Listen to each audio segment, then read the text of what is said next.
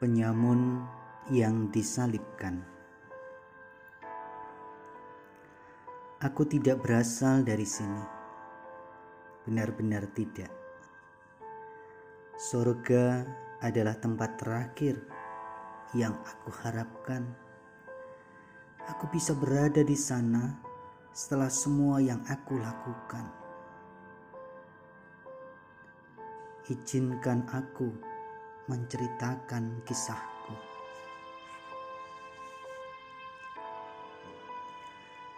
Aku dulu adalah seorang perampok bersenjata. Kurasa demikian kamu menyebutnya. Aku dan Jack dan juga yang lainnya tinggal di gua di perbukitan Yudea dekat jalan Yerusalem menuju Yeriko. Kami hidup dari kejahatan. Kami tidak menyerang orang yang pergi berkelompok dalam jumlah besar. Mereka yang bepergian dalam kelompok akan aman. Tetapi jika pergi hanya satu keluarga, adalah sesuatu yang mudah. Sama bodohnya dengan mereka yang melakukan perjalanan seorang diri.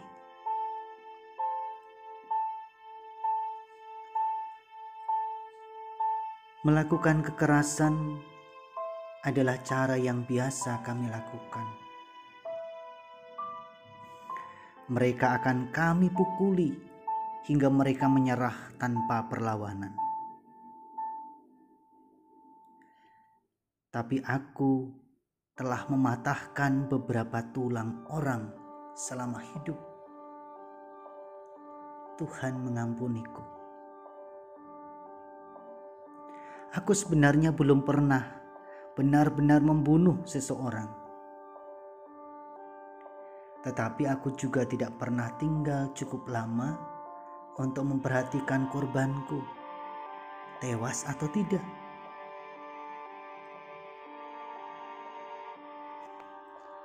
Pertama kali aku bertemu dengan Yesus adalah ketika aku diundang ke sebuah pesta untuk menghormatinya di Yeriko, di rumah pemungut pajak yang kaya raya, yaitu Zakius. Aku memperkenalkan diri. Kami berjabat tangan dan Yesus memandangku mata bertemu mata selama beberapa saat. Dia dapat melihat diriku dengan jelas siapa aku sebenarnya. Setiap kejahatan yang telah aku buat. Kemudian dia tersenyum, sebuah senyum besar yang bersahabat. Kamu tahu katanya? Ada pengampunan bagimu di dalam kerajaanku. Coba, bagaimana dengan itu? Aku memandang ke bawah, tidak mengatakan apa pun, dan berbalik pergi. Hari berikutnya, aku ada di antara kerumunan mendengarkan setiap kata yang dia katakan. Yesus berbicara tentang kerajaannya, membandingkannya dengan biji sesawi, menyebutnya sebagai kerajaan surga. Aku ingin sekali datang kepadanya dan berhenti dari semua yang kuperbuat, lalu menerima pengampunannya. tetapi aku tidak bisa melakukannya. Aku sih berharap bisa. Hal ini tidak terlalu lama sebelum aku dan temanku Jack, orang ketiga yang disalib, ditangkap oleh tentara patroli Romawi. Sementara yang lain berhasil melarikan diri, tetapi mereka menangkap kami dan memukuli kami, lalu membawa kami ke Yerusalem dan melemparkan kami ke penjara. Tidak ada kasih karunia bagi orang seperti kami. Lalu hal ini terjadi di hari yang sama Yesus disalibkan. Mereka menyalibkan aku dan Jack. Salah satu dari kami di kiri dan di kanan Yesus. Ini bukanlah penyalipan sebagaimana biasanya. Banyak orang yang datang di sana karena Yesus. Orang Farisi yang sombong mengolok-olok dia. Jika engkau Mesias, Salah satu menyeringai, turunlah dari salib itu.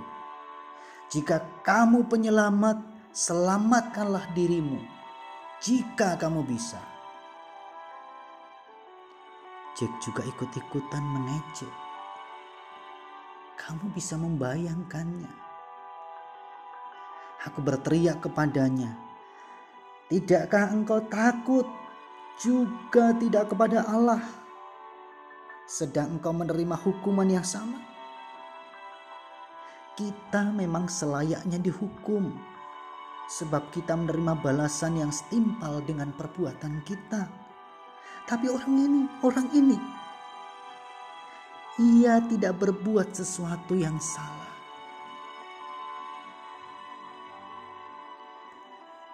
Jack akhirnya diam dan orang-orang Farisi sudah tidak tertarik lagi. Tetapi aku tidak bisa menghilangkan kejadian di Yeriko itu dari pikiranku. Aku tidak bisa melupakan pandangan mata Yesus, kata-katanya, dan juga undangannya. Jadi aku memanggilnya sekalipun sangat sulit untuk bernapas dan berbicara membuatku merasa sangat tersiksa. Yesus, kataku. Dia memalingkan wajahnya kepadaku. Yesus, aku pernah di Yeriko. Aku bertemu denganmu di pesta di rumah Zakius. Ingat?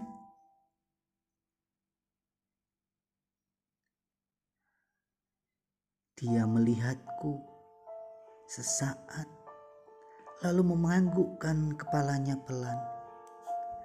Dia ingat.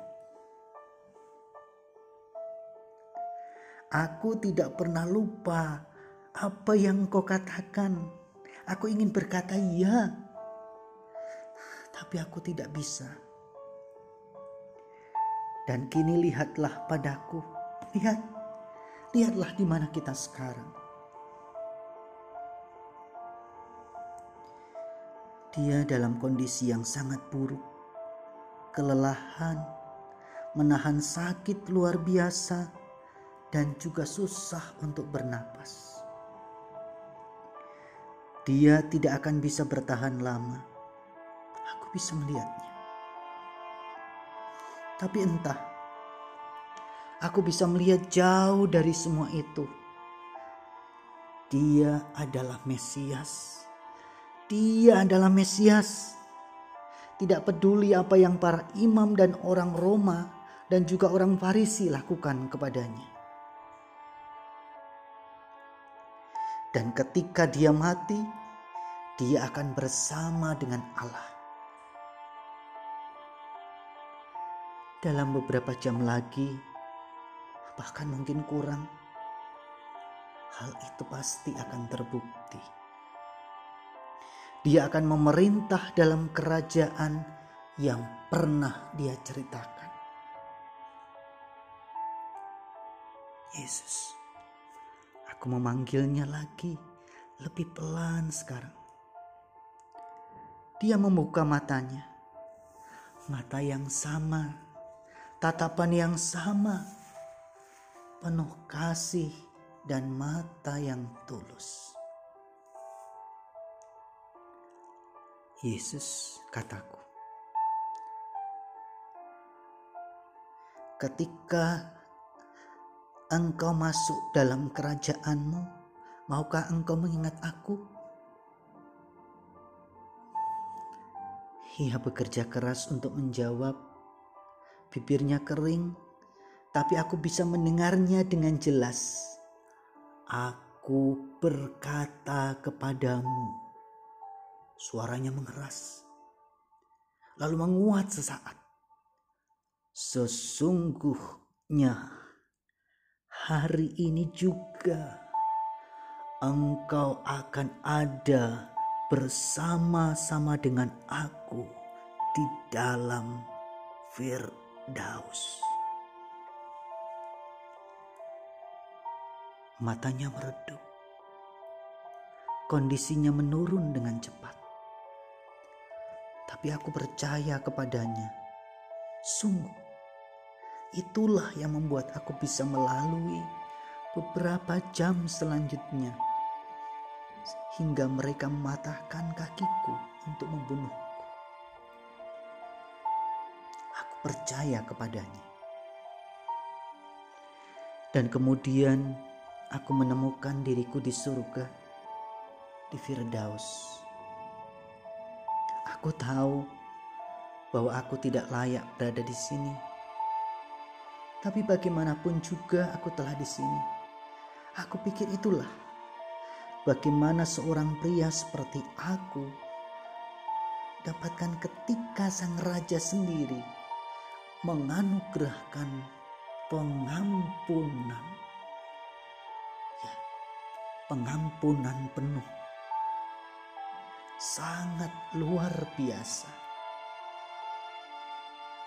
Bukankah begitu?